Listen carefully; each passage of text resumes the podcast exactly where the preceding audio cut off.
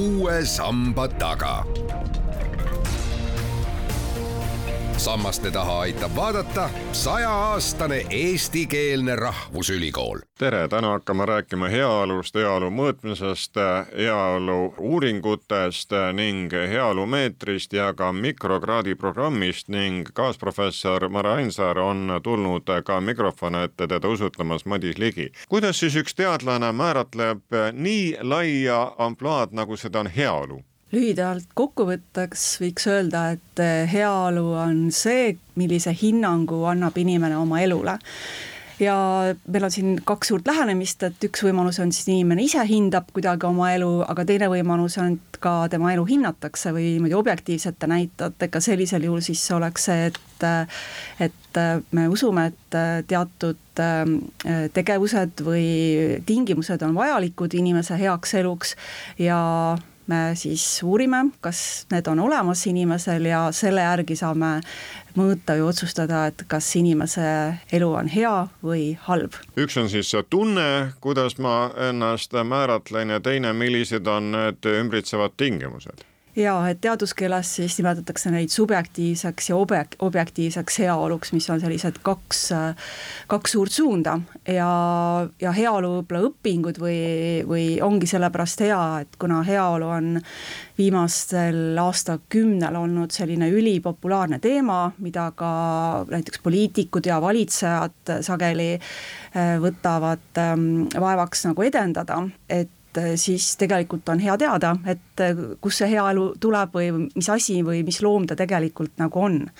Et äh, kui me tuletame meelde, siis ka Eesti viimane valitsus, äh, mis ametisse astus, siis peaminister ütles midagi sellist, et Eesti inimeste heaolu arendamiseks äh, hakkavad nemad nüüd tegutsema, aga küsimus ongi, et mis see heaolu on ja praeguseks me oleme siis nagu jõudnud selleni, et ta võib olla nii subjektiivne kui objektiivne või vähemalt niimoodi saab teda mõõta erinevalt. võib-olla peakski sellest alustama, et kuidas üldse heaolust aru saadakse.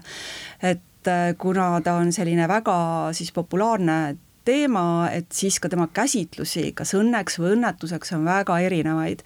ja juba sellise subjektiivse heaolu puhul võib-olla on siis kaks sellist suuremat äh, haru, et üks on siis, äh, mis tegeleb inimese rahuloluga oma elule, mis põhimõtteliselt on selline pikaajalisem ähm, või võib-olla sügavam või läbimõelduv, mõeld-, mõttetum hinnang eh, inimese poolt oma elule, et ta kindlasti sõltub nagu elu eesmärkidest, kuidas me üldse aru saame, mis on, mida me tahame või milline on hea elu ja siis me hindame, et kaugele me jõudnud oleme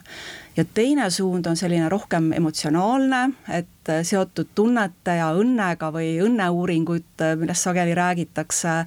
ja, ja see suund siis võib-olla rohkem tegelebki selliste jah, tunnetega või emotsioonidega, et äh, kas oli tore päev või, või millised negatiivsed tunded meil parajasti on. Et näiteks äh, minu arust üks väga huvitav asi, mis ähm, siin viimastel aastatel Covidiga seotud ajal teadlased tegid, just selle suuna puhul ähm, oli siis inimeste tunnete mõõtmine, aga mitte nii, et me neid tavaliselt küsime inimese käest, kuna küsimine oli Covidi ajal väga keeruline, vaid siis võeti need tekstid, mida inimesed kirjutavad Twitteris äh, ja, ja analüüsiti emotsionaalseid sõnu, mida nad ükskõik äh, mis, mis teemadel või mis puhul kirjutades kasutasid ja kui palju olid siis neid positiivseid emotsioone ja palju negatiivseid emotsioone. Ja sellest me saame siis sellise emotsionaalse heaolu nagu kätte. Ja, ja hoopis teine siis haru heaolu mõõtmistel võib-olla ongi selline objektiivne suund, mille puhul siis äh, teadlased või on äh, ütleme, aru saanud või paika pannud, et äh, mis tingimused on vaja heaks eluks, kas tööks, elamistingimuseks, keskkonnaks ja, ja seda siis sageli ka mõõdetakse objektiivselt, ei pruugi inimeste käest küsida, aga võib küsida, et kuidas inimestele tundub või, või kuida-, kuidas nad seda ise mõõdavad ja ka see on siis rohkem selline jah, nagu võib-olla mina nimetan neid ikka nimekirjateooriateks, et meil on nimekiri asjadest, mis peab inimese elus olema ja me mõõdame selle siis äh, ära ja, ja siis saame sellise kokku indeksi või tulemuse, et äh, millise tasemega see heaolu on. Ja neljas suund on tegelikult veel, see on rohkem selline subjektiivse poole peale, aga äh, see on selline inimese toimetuleku äh, heaolu, aga ta tegeleb inimese võimestamisega ja praktikas seda kasutavad sageli psühholoogid ja inimeste puhul võib-olla, kellel noh, parajasti elus ei lähe nii hästi Äh, või kes on siis masenduses, depressioonis, et anda neile selline uus vaade oma elule. Ja selleks peab siis võib-olla leidma uuesti üles elu mõtte või võimestama või tegema rahu oma, oma keskkonna ja oma suhetega, ühesõnaga saama niisuguse teise, teise vaate oma elule alati ei pruugi objektiivselt üldse midagi muuta, aga lihtsalt, et äh, inimene hakkab hindama oma elu kuidagi teistmoodi või ennast rohkem väärtustama ja sellest juba täiesti piisab, et äh, tegelikult muutuda õnnelikumaks, rahulolevamaks ja, ja see aitab inimesi et äh, kas ta tunneb rõõmu sellest, et tal oli õnnelik lapsepõlv või teps mitte, näiteks? Jaa, et see on, see viimane suund tegelebki rohkem sellise jah, nagu ümbersõnastamise või inimestele uute mõtete andmisega, et sageli see on ka tähtis. näiteks kui me oleme rahvusvahelistes uuringutes eestimaalasi võrrelnud teiste riikide inimestega ja vaadanud sellist nagu objektiivset poolt, et kuidas meil läheb ja seda, kuidas inimesed näiteks oma elu hindavad siis mulle küll tundub, et vahel me oleme noh, väga kriitilised oma elu üle, et vaadates objektiivseid näitajaid, me võiksime olla isegi natuke õnnelikumad ja rahulolevamad, aga eestimaalased, ma julgeks väita, et keskmiselt ei oska õnnelikud olla lihtsalt, et see on ka natuke kunst, mida peab õppima ja maailmas on siis näiteks äh, jälle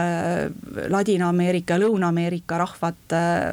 nagu teada, et äh, nendel on see kunst nagu väga hästi arenenud. et seal on teadlased ka hädas, et inimesed hindavad võib-olla oma elu subjektiivselt paremaks, kui see võib-olla objektiivselt ka oleks see tuletab meelde seda, et eestlased, eestimaalased kangesti muretsevad, et me muretseme ühe või teise asja või muretseme ühe või teise küsimuse või inimese pärast, aga elust rõõmu tundmine jääb natuke nagu tagaplaanile. just, ja, ja võimalik, et see elust tundmine on ka niisugune kunst, mida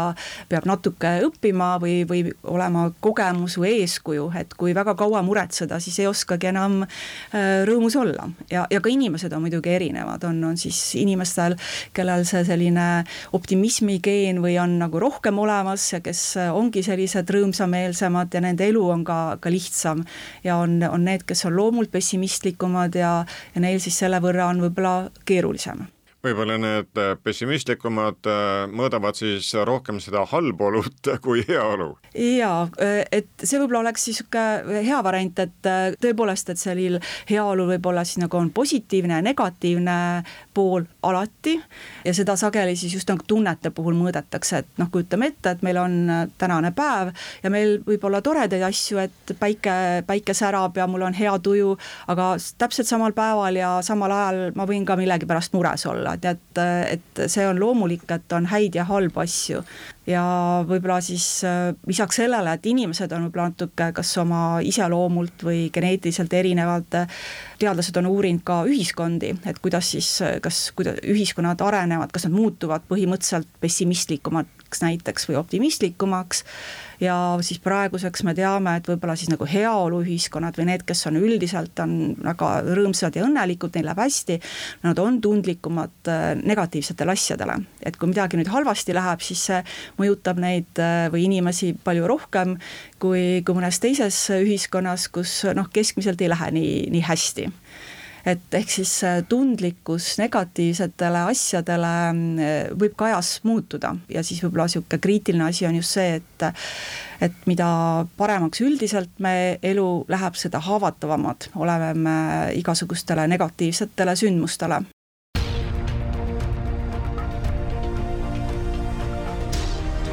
uue samba taga sammaste taha aitab vaadata sajaaastane eestikeelne rahvusülikool. Proua kaasprofessor, ülikooli kodulehel seisab ka üks heaolumeeter, mille te olete kokku pannud, nii et kes tahab ise ennast hinnata, see saab sealt selle abilise võtta jaa, see on äh, meie töörühma poolt loodud Eesti inimestele, et äh, kõik Eesti inimesed saaksid ise järgi proovida, et äh, kuidas nendel heaoluga on. ja see siis kombineerib kõigist nendest erinevatest heaolusuundadest mõningaid näitajaid ja koosneb tegelikult siis ainult mõneteistkümnest küsimusest ja kui inimesed sellele ära vastavad, siis see programm ütleb meile, et et kuidas äh, läheb võrreldes Eesti keskmise inimesega ja sealt saab võrrelda ennast ka teiste riikidega. aga minu meelest, mis seal nagu kõige toredam on see, et, et tõepoolest nende erinevate heaolu siis ähm, nagu valdkondade äh, kaupa ta ütleb, et meile väga konkreetselt, et millega on näiteks minul hästi ja mis, mis siis valdkond on minu jaoks nagu probleem ja kui mul on mingi probleem, siis ta annab äh, mõningaid nippe või soovitusi, ideid, et äh, mida ma võiks teha, et äh, ikka õnnelikumaks inimeseks muutuda. et, et kõik, kes meid kuulavad, et ma soovitaks järgi proovida, see on hästi lihtne, et kui internetti minna tasub äh, guugeldada heaolumeeter ja siis äh, kohe jõuabki õigele leheküljele. hea on ka see, et Tartu Ülikool tõmbab käima ühe mikrokraadi programmi heaolu mõõtmine ja mõjutamine ning meie tänane saade ongi selleks, et tarkuse tagaajamise juurde siis inimesi juhatada. pealegi eelteadmine ütleb ju seda et, et viiskümmend viis protsenti Eesti elanikest tahab ennast lähiaastatel hariduslikult täiendada. vaat see uus programm mille te olete nüüd välja hüüdnud, annabki selleks võimaluse. jaa, ja mikrokraadi programmid ähm, on üldse väga tore võimalus oma siis teadmisi äh, edendada, vahepeal siis võib-olla parandada või, või üles soojendada, äh, sest need on põhimõtteliselt sellised väikesed õpiampsud, et võib-olla inimestele, kes ei taha kohe Äh, pikka ja vastutusrikast, kas äh, magistri bakalaureusekraadi teed ette võtta. see võimaldab siis sellistest väikeste ähm, ampsudena, väikeste tükkidena äh, teatud teadmisi omandada ja meie mikrokraadi programmi nimi on siis heaolu mõõtmine ja mõjutamine, et see, selle sisu on siis tõepoolest, et me tahame anda ülevaate, et mis see heaolu on, aga lisaks sellele, et kui me nüüd tõesti tahaksime seda ka mõõta, et sellised eh, esmased oskused et, et inimene saaks seda teha või vähemalt otsustada, et kui ta loeb mõnda heaolu ülevaadet või raportit, et, et mida sellest arvata. et et äh, mina soovitaksin kõigil inimestel, kes kas nüüd sellest heaolu mikrokraadi programmist on huvitatud või võib-olla ka mõnest teisest mikrokraadi programmist, äh, tõepoolest vaadata Tartu Ülikooli siis leheküljele, aga võib-olla jälle kõige lihtsam on lihtsalt guugeldada, panna sisse mikrokraad Tartu Ülikool ja siis tegelikult satub jälle õigele leheküljele, kus on äh, nimekiri kõigist mikrokraadi programmidest, aga sealhulgas siis ka heaolu mõõtmise, mõjutamise mikrokraadi kraadi kohta info sealtsamast ma lugesin, et kolmsada kaksteist akadeemilist tundi ootab siis ees, kuidas need jaotuvad ja kas ma pean kohale tulema kuue samba taha või saan ma arvuti taga olles äh, siis äh, targemaks ja juhatust, kuidas targemaks saada? heaolu mikrokraadi pro programmi on äh, võimalik läbida ka interneti või Zoomi programmina. Äh, aga me oleme nende õppejõudude seas, kes seda siis korraldavad, otsustanud, et kui nüüd inimestel on tahtmine peale koroonaaega ka, ka rohkem koos olla, et ka see on võimalik, aga põhimõtteliselt see standardõpe on meil koos tavaliste üliõpilastega ja nendel on siis ähm, see baaskursus on äh, arvutipõhine. et mis minu meelest on jälle väga vahva võimalus nendele inimestele võib-olla, kes töötavad või on, elavad Eestimaal kuskil kaugemal, ei, ei taha alati Tartusse tulla, et nad ikkagist saavad äh, osaleda seal äh, ilma probleemideta ta on siis põhimõtteliselt üks enesetäiendamise vorme, lühivorme. jah, et selle asemel, et kohe terve siis Tartu Ülikooli kraadiprogramm ette võtta, on võimalik äh, selliseid väikestest osadest õpinguid alustada või jätkata. Ja põhimõtteliselt, äh, kui nüüd võib-olla ka piisavalt palju neid väikeseid õpinguampse teha, siis äh, kunagi need kokku pannes on võimalik võib-olla vaadata, et, et mõni magistri- või bakalaureuse programm on juba täidetud ja ka päriskraadi taotleda. või siis näiteks, kui inimestele tundub, et see asi, mida nad hakkavad mikrokraadina õppima alguses väikse ampsuna, on ikka nii põnev, et tahaks rohkem teada, siis nad kindlasti saavad kandideerida Tartu Ülikooli ja, ja osa tööst on juba tehtud sellisel juhul. Kui inimestel huvi on selle heaolu mikrokraadi programmi vastu, siis nad peavad alma materjali endast ka teada andma, nõnda vormistavad ennast kuidas siis tuleb kutsuda, täiendõppijaks või tudengiks? jaa, et nad praegu siis mikrokraadi programmid ongi selline täitsa eriline spetsiifiline pakett ja õppejõudude jaoks on ikka kõik õppijad äh, tudengid äh,, ametlikult nad vist on jah, täiendõppijateks äh, inimesed vormistatakse. aga tee on hästi lihtne, et kõik algab siis Tartu Ülikooli mikrokraadide programmi lehest, mida leiab guugeldades ja seal on edasi väga lihtne, et tuleb valida siis endale meeldiv ja edasi klõpsates, seal on kõik juhised mis on tegelikult väga lihtsad, et alustuseks tõesti tuleb end teada anda, et soovist ja siis võetakse juba Tartu Ülikooli poolt ühendust ja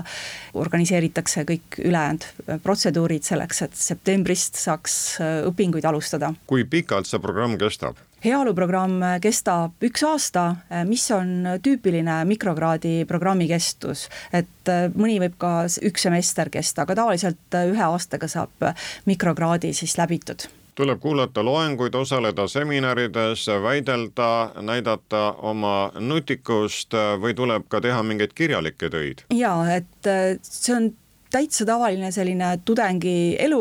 kõike sedasama tuleb teha, mida tudengidki teevad ja heaolu mikrokraadi programmi puhul siis tõepoolest, et seal on loengud, seal on päris palju tegelikult praktilisi ülesandeid, sest see on niisugune tänapäeva õppe osa, et et mitte ainult siis ei anta teadmisi edasi, vaid tuleb kohe järgi proovida, et kas, kas saab hakkama asjadega ja see tähendab ka tõesti, et tuleb niisugune väike võib-olla kirjalik, kirjalik töö teha, et heaolu puhul siis me muidugi uurime heaolu, aga kelle või mille heaolu, et see on meil siis tudengitega otsustada või me tavaliselt ka konsulteerime, et, et mida kõige mõistlikum teha oleks, et saada siis nagu täispakett teadmisi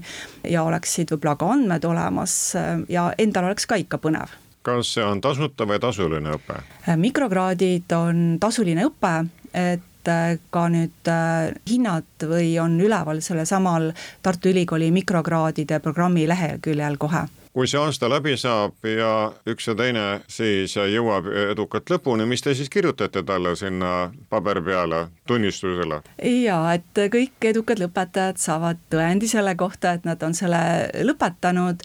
ja alati ma arvan, et teadmised on nagu üks niisugune motivaator, et noh, heaolu puhul näiteks tõesti, et kuna võib-olla tänapäeval iga nädal keegi räägib heaolust, et paljudes riikides äh, on siis heaoluministeeriumid ja ministrid ja et see on nagu, ma arvan, väga mõistlik teada, et millest siis jutt nagu käib. aga, aga teine pool on siis tõesti nagu see formaalne haridus ähm, ja see tõend, mida mikrokraadi lõpetamisel saadakse, siis aitab juhul, kui otsustatakse edasi õppima minna,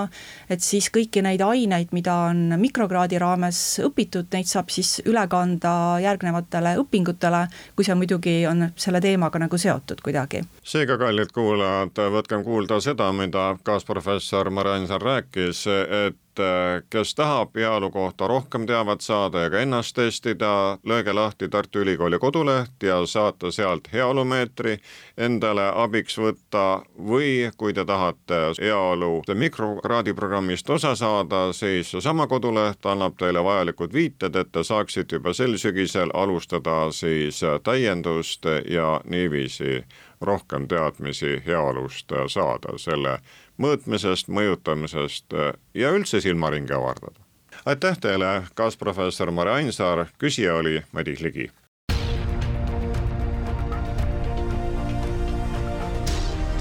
uue samba taga. sammaste taha aitab vaadata sajaaastane eestikeelne rahvusülikool